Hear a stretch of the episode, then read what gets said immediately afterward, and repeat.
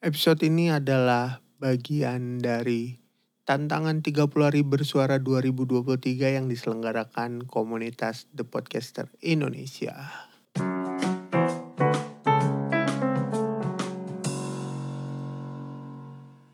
Ah, masa kecil. Hmm, gue lagi nginget-nginget film masa kecil yang gue tonton ya. Ini agak susah, tapi yang jelas film favorit gue waktu gue kecil itu Cars. Cars itu baru ada 2006 dan waktu itu umur gue 10 tahun. Ya oke okay lah masih bisa dibilang anak kecil karena belum beranjak dewasa gitu ya. nah oke okay, kita bahas itu aja lah Cars. Pada masanya yang gue ingat Cars itu lumayan bisa dibilang terobosan karena Pixar waktu itu cukup cukup menggebrak dunia animasi mereka meng, membuat animasi mobil gitu ya dan secara cerita pun sangat renyah dan ringan untuk ditonton oleh para bocil. Kayak gitu.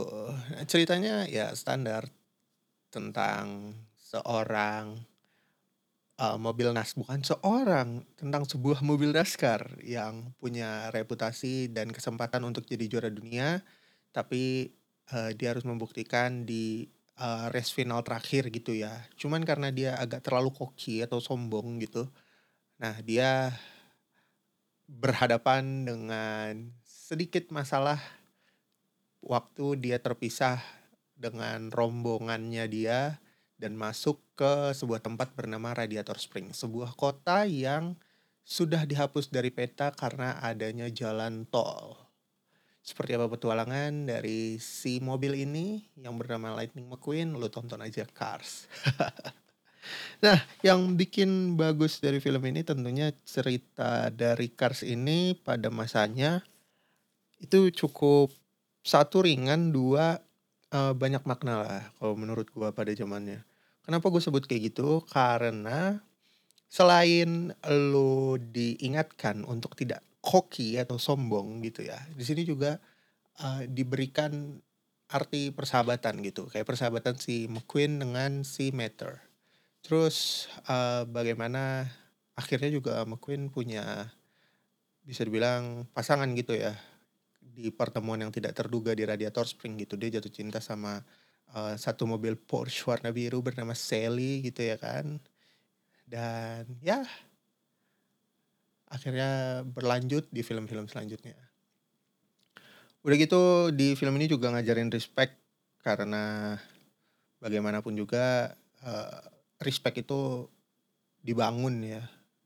Di bukan diberikan secara sembarangan gitu terus sportivitas juga ngingetin kita untuk selalu menerima apa pun yang terjadi dan jangan sampai berbuat curang. Kurang lebih kayak gitu sih.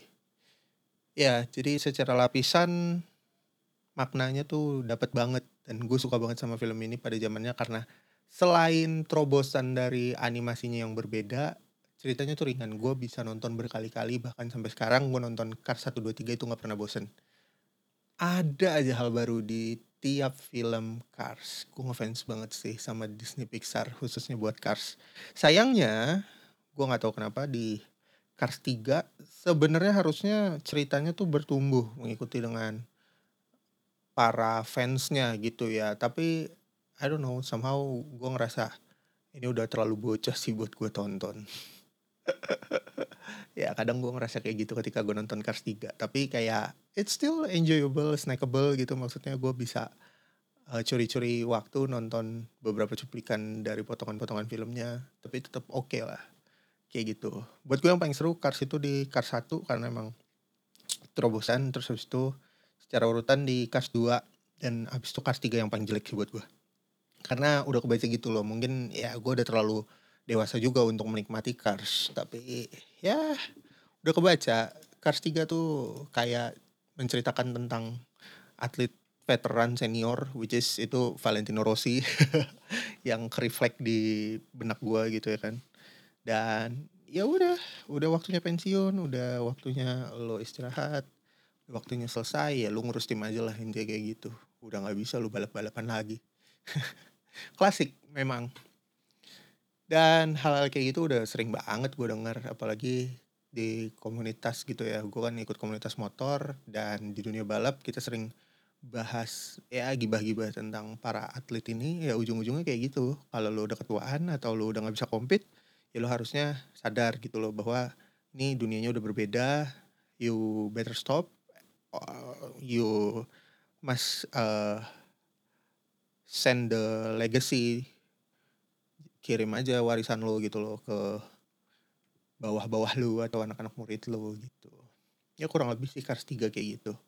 Nah Cars 2 sebenarnya yang agak melenceng tapi seru ya karena ada balapan untuk kejuaraan dunia lawan lo itu bisa mobil F1 bahkan mobil mobil rally mobil F1 mobil NASCAR itu diadu anjir aneh banget terus ada sisipan uh, tentang agent rahasia gitu ya kan itu sih yang bikin lucu dan seru. Udah gitu mereka keliling dunia gitu. Jadi memberikan beberapa pengetahuan tentang mobil-mobil dunia. Kayak contohnya ada pamannya Luigi itu Uncle Topolino. Gue lupa merek mobilnya apa tapi Topolino itu memang di Itali uh, ada tipe mobilnya.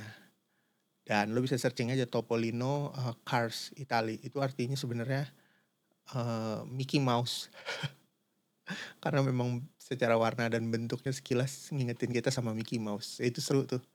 Terus isu-isu apa mobil tentang energi terbarukan energi ramah lingkungan intrik-intriknya. Nah itu keren banget tuh Cars 2 tuh di situ.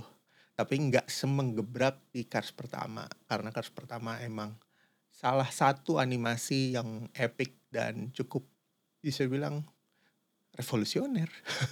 Siapa yang kepikiran memanusiakan mobil, membuat pergerakan personifikasikan mobil di setiap kegiatan-kegiatan yang dilakukan manusia gitu. Bahkan kita nggak ngelihat sama sekali populasi manusianya dan mereka bertingkah benar-benar sama kayak manusia gitu ya kan. I don't even know how they eat. All I know they only drinks the fuel gitu. fuel and oil it's quite funny because the oil must be a lubricant for their engine. ya itu aja lah untuk cerita film masa kecil gue yang nggak pernah gue bosen tonton yaitu film Cars.